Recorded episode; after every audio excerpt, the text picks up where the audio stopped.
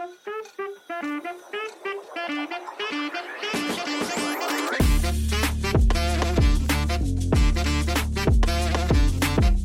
טוב, אהלן. שלום, מה קורה? מעולה, אני בסדר גמור, איך אתה אריק? נהדר, מצוין. טוב, איזה כיף, בוא נתחיל. אני אריק, אני עמרי, ואנחנו סטודנטים לרפואה באוניברסיטת תל אביב, אנחנו סטודנטים בתוכנית הארבע שנתית, מתחילים שנה שנייה אריק. נכון? אה, אריק, מה, מה למדת? אני למדתי תואר ראשון במדעי הרפואה בעצם, באוניברסיטה העברית, בדגש של נוירוביולוגיה, של מוח. אני עשיתי אה, מדעי החיים, שזה מילה יפה לביולוגיה אה, באוניברסיטת בן גוריון. ואנחנו שומעים מלא פעמים על כל מיני מחלות, סימפטומים, טיפולים חדשים, אה, כמה שרפואה זה קשה או מגניב, או כמה שהיא התקדמה, אבל כמה, כאילו אין לנו מושג באמת, אנחנו לא באמת יודעים הרבה מאוד דברים על רפואה, על התחום הזה. אנחנו בסוף שומעים רק את מה שאנחנו עכשיו לומדים. כאילו אין לנו מושג מה זה שעכשיו יש לנו את היכולת לנתח, מה היה לפני 100 שנה שאנשים היו צריכים לפתוח בן אדם ולא באמת היה להם את כל הכלים והידע שיש להם היום אז מבחינתנו זה וואו אבל תכלס מה היה לפני 100 שנה. זהו, כאילו מספרים לנו מלא דברים גם בבית ספר לרפואה וגם דברים שאנחנו מכירים מלפני, אבל תכלס יש המון המון היסטוריה וגם המון המון פוטנציאל ודברים שזה הולך אליהם שאנחנו לא ממש יודעים מה הם ואיך הם יהיו. אז בעצם אנחנו כאן כדי לתת לכם את החתיכה החסרה הזאת של הפאזל ולספר לכם מאיפה זה בא, מאיפה הרפואה בעצם מגיעה ובמיוחד לאן היא הולכת בעתיד וכמה היא התקדמה וכמה היא מחדשת היום ומה אנחנו עושים איתה היום ומחר. כן אה, אנחנו תכלס די ננסה פשוט אה, כמו שאריק אמר פה פשוט אה, לתת איזשהו the last piece in the puzzle מה שנקרא כדי שפשוט אה, נוכל לקשור. אתם יודעים שמישהו אומר רגע אשכרה יש לי פה רובוט שיודע לנתח אבל למה בכלל המציאו את הרובוט? למה למה יש לי את החסרונות שבגללו הייתי צריך להמציא רובוט? או מי בכלל חשב על הרעיון הזה ומה היה לפני 100 שנה אם לא היה רובוט וגם לא היה את אותם כלים שיש לנו היום? אז נראה לי שזה חשוב בעיקר כדי שנוכל תמיד לחשוב על אה, רעיונות אחרים כי אנחנו נדבר על זה נראה לי וגם אנחנו תכף נספר גם מה הולך להיות כל הרעיון הזה של הפודקאסט. אבל על זה שמהדברים הכי טריוויאליים פשוט המציאו את הדברים הכי מטורפים שיש. אה, ומהדברים שהכי לא חשבו שבכלל משהו יכול לצאת זה כאילו הוביל לגילוי שהיום אנחנו אפילו נדבר עליו אז אה, בדיוק. stay tuned מה שנקרא. ממש. ואפילו למשל לגבי הרובוט, יש אנשים שאומרים שאתה יודע, עוד 10-20 שנה כבר לא יצטרכו רופאים או לא יצטרכו מנתחים, כי חברות הייטק פשוט ייקחו את התפקיד שלהם, או רובוטים, או דברים AI, דברים בסגנון הזה. אז אנחנו נראה באמת כמה רופאים עדיין יישארו רלוונטיים, גם עוד 10, 20, 30 שנה, וגם כמה הם רלוונטיים היום, כשיש לנו כל כך הרבה פיתוחים בתחום הפרמקולוגיה, תרופות, פיתוח של כל מיני טכנולוגיות כן. חדשות, רובוטים וכולי. סבבה אז אה, בואו נספר לכם כמה אנקדוטות מעניינות כמה סיפורים מגניבים מההיסטוריה שזה בעצם מה שאנחנו רוצים לדבר עליו גם בפודקאסט ואז נראה איך זה ישפיע על הרפואה של היום. טוב אז אנחנו תכלס אפשר להתחיל לדבר בעצם על אה, בחור בשם אה, פיניאס גייג' שפיניאס גייג' אה, נולד אי שם במאה ה-18 ובעצם אה, פיניאס גייג' באיזשהו שלב אה, אתה יודע כמו כל אה, בן אדם באותה תקופה ניסה להרוויח כסף והוא בעצם אה, התחיל לעבוד בחברת רכבת. וכשהוא עבד בחברת רכבת אה, בעצם אה, מה שקרה זה שיום אחד הם בנו איזשהו מסילה חדשה היה איזושהי מסילה חדשה והם היו צריכים בעצם פשוט לנפץ סלעים נשמע די טריוויאלי לא עוד יום בחיי אה, אה, עובדי הרכבת. קצת חומר נפץ קצת אקשן כן. רגוע. כן. ובאיזשהו שלב אז עם כל ההתנפצויות עף איזשהו מוט והמוט הזה הפלא ופלא ולצערנו הרב עף לעבר פיניאס גייג' אותו בחור שלנו. ופשוט חדר חדר למוח שלו אבל לא רק שהוא חדר זה היה אשכרה מוט במטר שהוא נכנס מצד אחד ויצא מהצד השני. ונשאר תקוע שם. לא רק שהוא נשאר תקוע אחרי שזה קרה פינס גייג' היה לו איזשהו פרצוף כזה של מופתע ויותר נכון מי שהיה לידו כל אותם העובדים היו בשוק לא מזה שלא קרה לו משהו מזה שהוא חי מזה שהוא אשכרה אמר להם קרה משהו כי הוא לא הבין מה קרה. ויותר מזה פיניאס לקח את עצמו לרופא כשהוא הבין שמשהו נכנס לו לראש לקח את עצמו לבדוק את זה. וכשראו את זה ראו שבעצם אשכרה הוא חי הוא מדבר השמיעה שלו תקינה הראייה שלו תקינה לפחות בעין אחת. לפחות בעין אחת אבל אה, דבר אחד שמו לב אליו שפינס תמיד היה ידוע בתור איזשהו בחור חביב נדיב שתמיד ישים את עצמו אחרון וייתן לכולם ובאיזשהו שלב אה, התחיל לעבור איזושהי תקופה הוא פשוט הפך להיות בן אדם סופר אגרסיבי אימפולסיבי בן אדם שאין לו כוח לדבר עם הסביבה. ואז אה, אמרו לעצמם רגע, משהו פה מוזר, כאילו, זה קרה בדיוק מהרגע שהוא קיבל בעצם את אותה המכה, את, אותו, את אותה טראומה שהייתה לו. ואז אמרו, יכול להיות שאותו אזור שבעצם נפגע לו במוח, יכול להיות שהאזור הזה קשור אולי לאיזה שהם אה, רגשות או שינוי במצבי רוח. תכונות של האישיות שלו וזה. כן.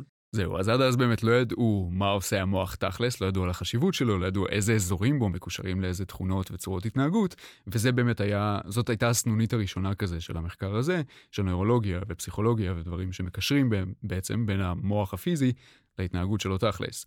עכשיו, כאילו הוא איבד חתיכת מוח שלמה, כן, יצא משם איזה חצי, חצי קילו מוח מהחור הזה שנוצר שם מהמות, אבל הוא עדיין חי ותפקד, זה משהו ששווה להתעכב עליו כי זה באמת מדהים. הוא פשוט המשיך להסתובב, אחרי שהוא החלים, לקח לו איזה שבועיים או שלושה או משהו כזה, הוא מסתובב, מדבר, מתנהג באופן שהוא, אתה יודע, אנושי, הוא לא כאילו שוכב על הרצפה בשלולית ולא מסוגל לזוז, שזה מדהים. אה, ועצם העובדה שהוא החלים גם ב-1840 ומשהו כזה, זה גם מטורף לזמנו, כן? זה... נכון, זה, זה מדהים בעיניי.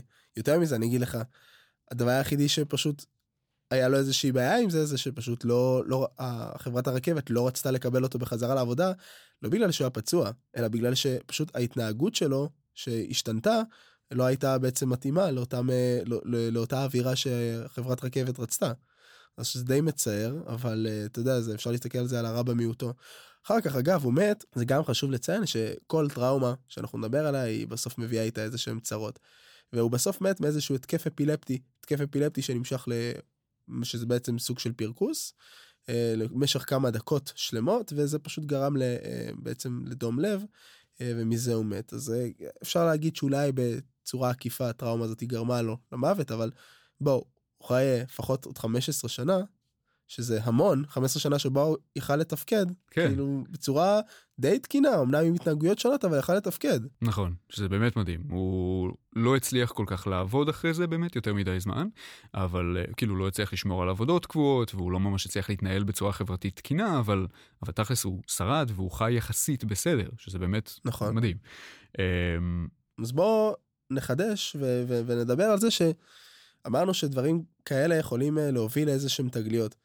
אז בעצם מה שקרה זה שבאותה תקופה וגם אחרי שהוא מת לא באמת נתנו יותר מדי התייחסות לפגיעה שלו אמרו אוקיי כנראה שזה קשור אבל לא היה גם את הכלים אגב לבדוק איזה אזור בדיוק ב, של הפגיעה גרם לה, לשינוי בהתנהגות אבל אמרו טוב כנראה שזה האזור הקדמי כי זה בעצם איפה שראו שנפגע לו פיזית.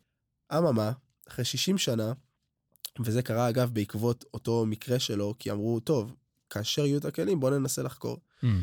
יותר מזה אמרו שטוב, אם לפיניאס בעצם היה איזשהו שינוי בהתנהגות, אז תחשבו שמהרעיון הזה פתאום אמרו, אפשר רגע להשליך את זה על משהו יותר רחב. אמרו בואו וננסה לשנות התנהגויות של אנשים בזה שנשנה להם את אותם אזורים הקדמיים שכמו שלפיניאס נפגע אז כנראה שגם להם אפשר לשנות את זה. ופה בעצם קיבלנו את ההיסטוריה הדי נוראית של לובוטומיות ושל בדיוק. אה, פגיעה מכוונת במוחות של בני אדם שגרמו לשינוי התנהגותי אמנם אבל נכון. כמובן פגעו גם בהרבה דברים אחרים בגוף שלהם.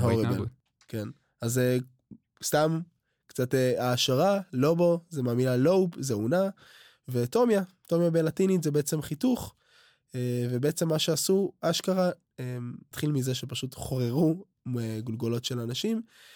ובואו אה, נכניס עוד פעם את מה שאנחנו חולים עליו וזה אלכוהול אז איך בעצם הפרידו בין התפקודים אה, של בעצם של העונות הקדמיות זה פשוט הכניסו אלכוהול החדירו אלכוהול לתוך המוח וככה בעצם הפרידו בין העונות.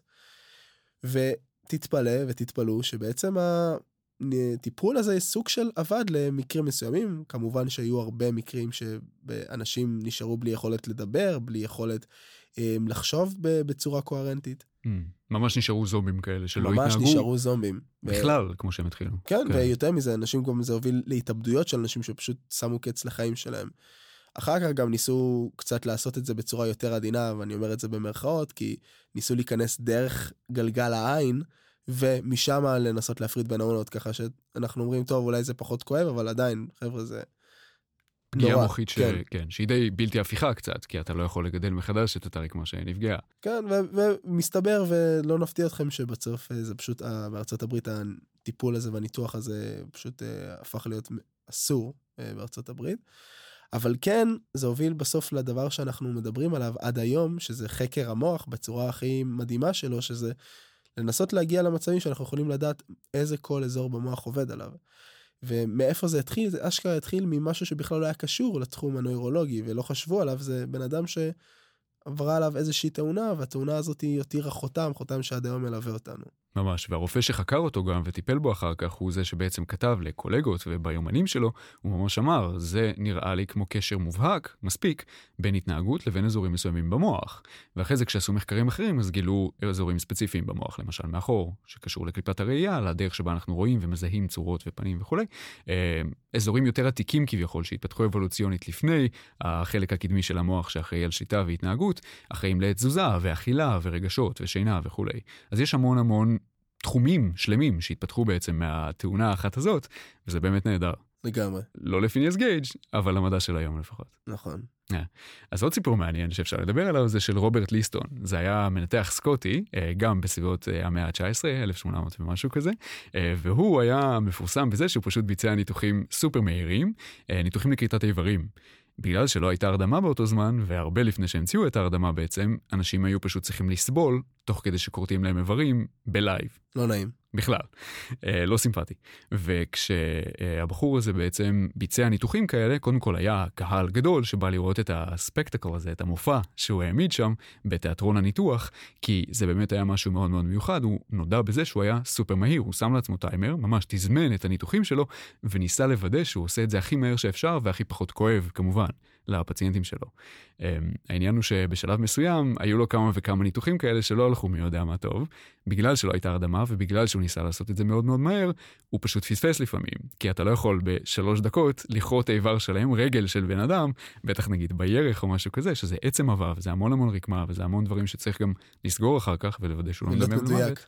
להיות ממש מדויק. בשלוש דקות בוא נגיד זה זה מרשים זה באמת מרשים. אז אה, אז זה ב... לגמרי ספר סי גינס. ממש של היום כן, כן. אז uh, היום כבר לא עושים את זה. היום למשל אם אנחנו מסתכלים שוב בראי הרפואה של היום זה ממש לא איך שזה עובד. היום אנחנו דווקא כורתים איברים בצורה מאוד עדינה מאוד מבוקרת ומאוד איטית גם כדי לשמר כמה שיותר מהרקמה שמסביב. וזה חשוב כי ברקמה הזאת יש קצות עצבים שאליהם אפשר לחבר סנסורים ממש ולחבר לך פרוטזה תותבת שמסוגלת לקרוא את האינפוט העצבי הזה, לחשב ממנו מה אתה רוצה לעשות, ולהפעיל את הרגל בדיוק בצורה כזאת. עכשיו, זה מדהים, כי אתה לוקח פה משהו, איזשהו חתיכת מתכת, מחבר אותה לגוף החי, כן, בצורה שהיא, אתה יודע, מרגישה כאילו היא חלק מהגוף שלך. ואנשים כאלה שמסתובבים עם תותבות, שהן מהיותר מתקדמות, כן, לא תותבת שהיא אינרטית, שאתה לא יכול להזיז אותה אה, בשום דרך, אלא תותבת שאתה ממש יכול לשלוט בה בכוח המחשבה כביכול, זה משנה חיים. כי אתה ממש מרגיש שהאיבר שלך נשאר בדיוק כמו שהוא היה בהתחלה. נכון. זה, זה מטורף. זה מדהים, יש, יש, יש אנשים שזה, רופאים שזה התחום מומחיות שלהם, לקרות איברים, שזה כמה שזה נשמע The Butcher, כן, שאפשר לעשות עליו איזה TV series, mm. אבל היום זה אנשים ש, ש, ורופאים שממש הולכים ועושים התמחות עבור זה. זה, זה, זה, זה מטורף לחשוב על זה שאנחנו היום, אה, לפני 400-500 שנה, אותו רופא שבעצם קראת את האיברים, זה היה נראה קצת אה, מוזר וקריפי שאנשים באים לראות את זה, אבל תכלס, כשאנחנו חושבים על זה, רומא העתיקה, אנשים היו בקולוסיאום שלם, והיה קרבות של גלדיאטורים, ומבחינת אנשים זה היה כאילו פסטיבל ו... ובעצם מופע לכל דבר, אז גם שם כאילו צריך להבין שזה, מבחינת אנשים זה היה כאילו, בואו נראה איזשהו מג'יק. בידור טוב. כן. ועוד בכותרת כזאת של מדע, של נכון. קדמה, של משהו ממש מגניב וחם וחדש. כן. אגב, פרוטזות אה, וזה משהו מעניין שצריך לקרוא עליו לא לא לא מזמן זה שדווקא פרוטזות הם לא התפתחו מ, מ, מהרצון בעצם אה, נקרא לזה לשפר את חיי איכות האדם דווקא הפר, הפרוטזות מגיעות מזה שיש בסוף זה מורכב מכל מיני חומרים. החומרים האלה דווקא שימשו בכלל ברפואת חלל רפואת חלל אה, למשל יש איזשהו חומר צהוב וכל מיני גזים שאנחנו היום משתמשים בהם בפרוטזות אבל שהם מלכתחילה בכלל שימשו בשביל. להקל על כל מיני מכלי טנק בחלל אה, ו- ולגרום להם להישאר יותר יותר כמה שיותר זמן בחלל mm. אה, וזה תקף גם סתם למשאבת אינסולין כלומר מה שעשו וזה מדהים בעיניי זה שאנשים לוקחים איזשהו משהו שקיים בתחום מסוים ועושים לו אינטגרציה למשהו מתחום אחר לגמרי ואומרים וואו זה יכול לשפר לא רק בתחום אה, המדע בחלל אלא גם בתחום רפואה פרופר לבני אדם. אה, ולקחו את זה, את הפרוטזות, ולקחו את זה למשאבת אינסולין, והיום גם יש כל מיני מכשורים אה, של, ללב ולשרירים, כדי בעצם להגביר לנו את החילוף חומרים שלנו ואת הפעילות של הלב, שהתחילו בכלל מנושא אחר לגמרי, אז זה נראה לי שמשהו שתמיד שווה לזכור שלא חייב להמציא את הגלגל. אני חושב שכאילו, אם פותחים את הראש מספיק ואפשר לחשוב כאילו על נושאים אחרים, לקחת את זה לכיוון הזה שזה נראה לי מדהים. חד משמעית. יש דוגמאות נהדרות שגם נדבר עליהן אחר כך עם רופאים אחרים שיגיעו ויתראיינו בפודקאסט. אה, אחד מהם למשל זה השימוש במחשוב, כן, במחשבים, ב-AI, ברשתות נוירונים ובכוח שיש לנו היום, שלא היה לנו לפני 20, 30, בוודאי לא מאות שנים, אה, כדי דווקא לפתח גם טיפולים חדשים וגם תרופות חדשות וגם להשתמש בדבר הזה כדי להחליף חלק מהפונקציונליות של רופאים. יהיה איתנו למשל רדיולוג או רדיולוגית שיספרו לנו על איך שרשתות נוירונים של היום עוזרות לרדיולוגים לקרוא תמונות וכל מיני...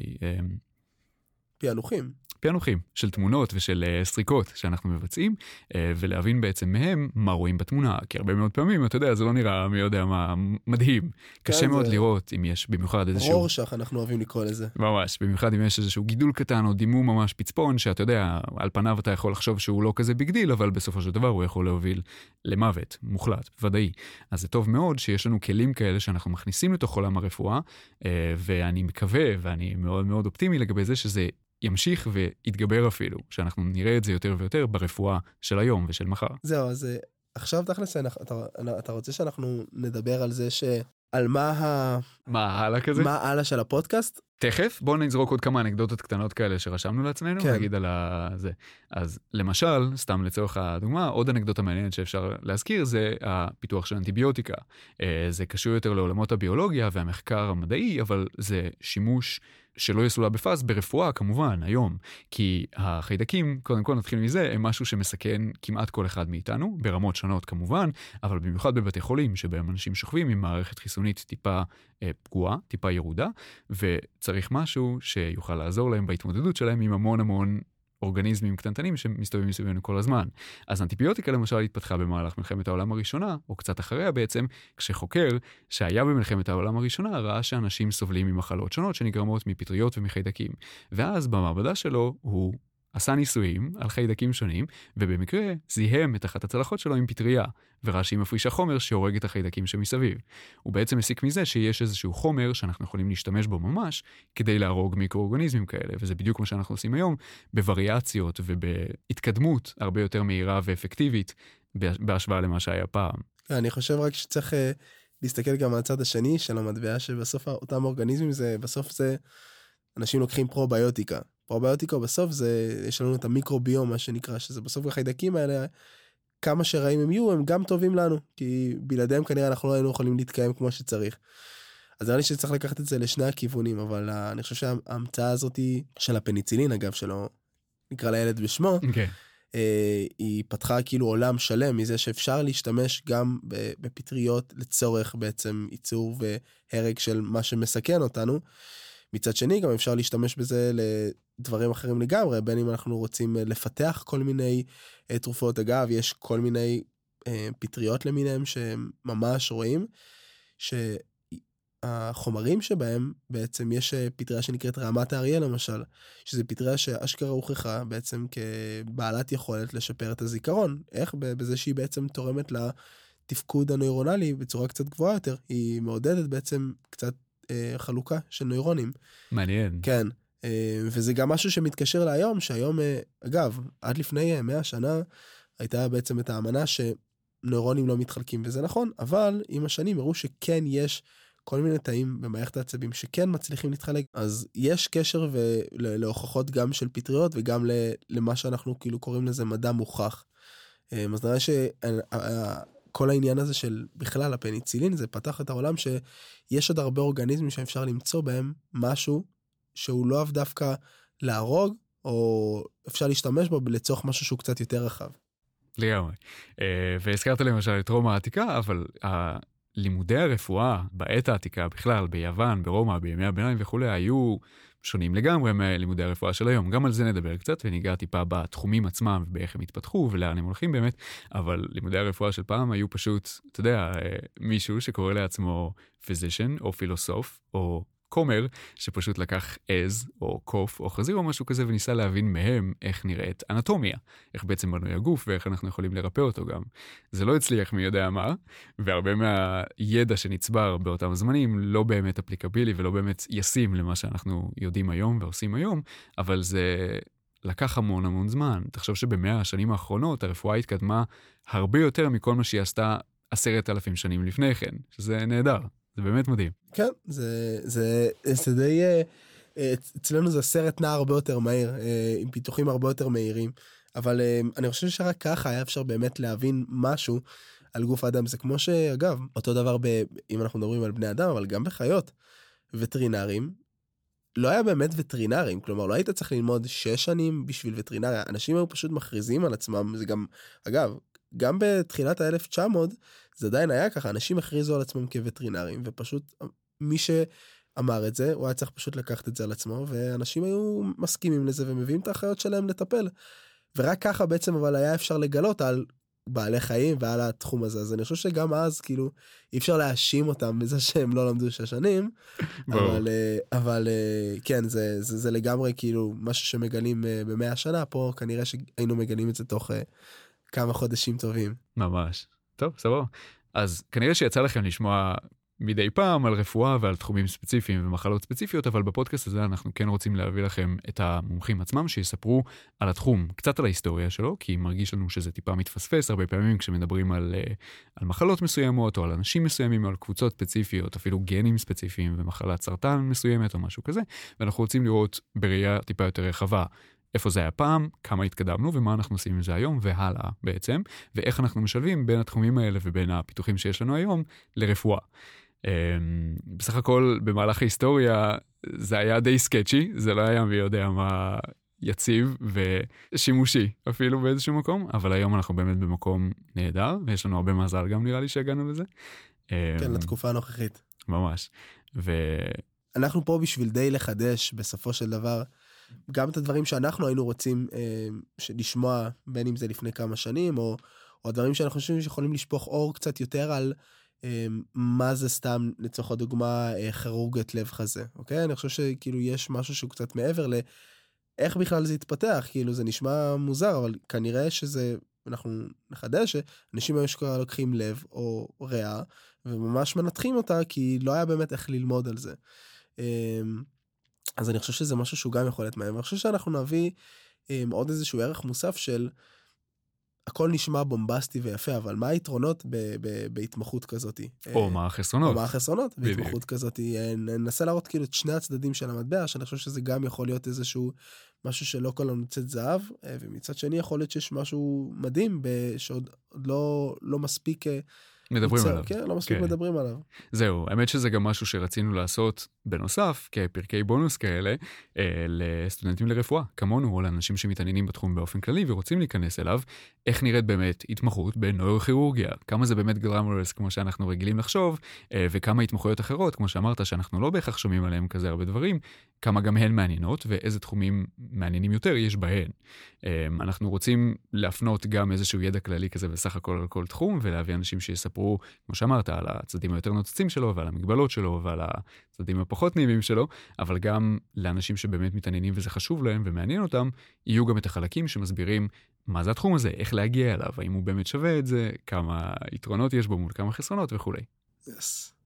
מה שכן, לפעמים, חוץ מהמומחים שנביא אליכם כדי לספר על כל תחום בפני עצמו, נביא אולי גם חברים אחרים ללימודים, שמתעניינים בתחום הזה, או יודעים עליו יותר ממה שאנחנו יודעים לספר, אה, ואנחנו בעצם נראיין את אותם מומחים בראייה קצת ספציפית יותר, קצת מדויקת יותר, של מה חדש בתחום, או לאיפה בדיוק אנחנו לוקחים אותו היום, ולמה באמת צריך כל כך הרבה תת-התמחויות לכל תחום כללי, וכמה באמת רופאים למשל יודעים על תחומים אחרים שהם לא מומחים בהם. למשל, אה, אם אתה תלך ותיפול ברחוב כי יש לך התקף אפילפטי או משהו כזה, ואתה נתקל באורתופד, כן, הוא לא בהכרח ידע להסביר למה זה קורה לך במוח, אבל הוא אולי ידע להרחיק את כולם ולקרוא לאמבולנס.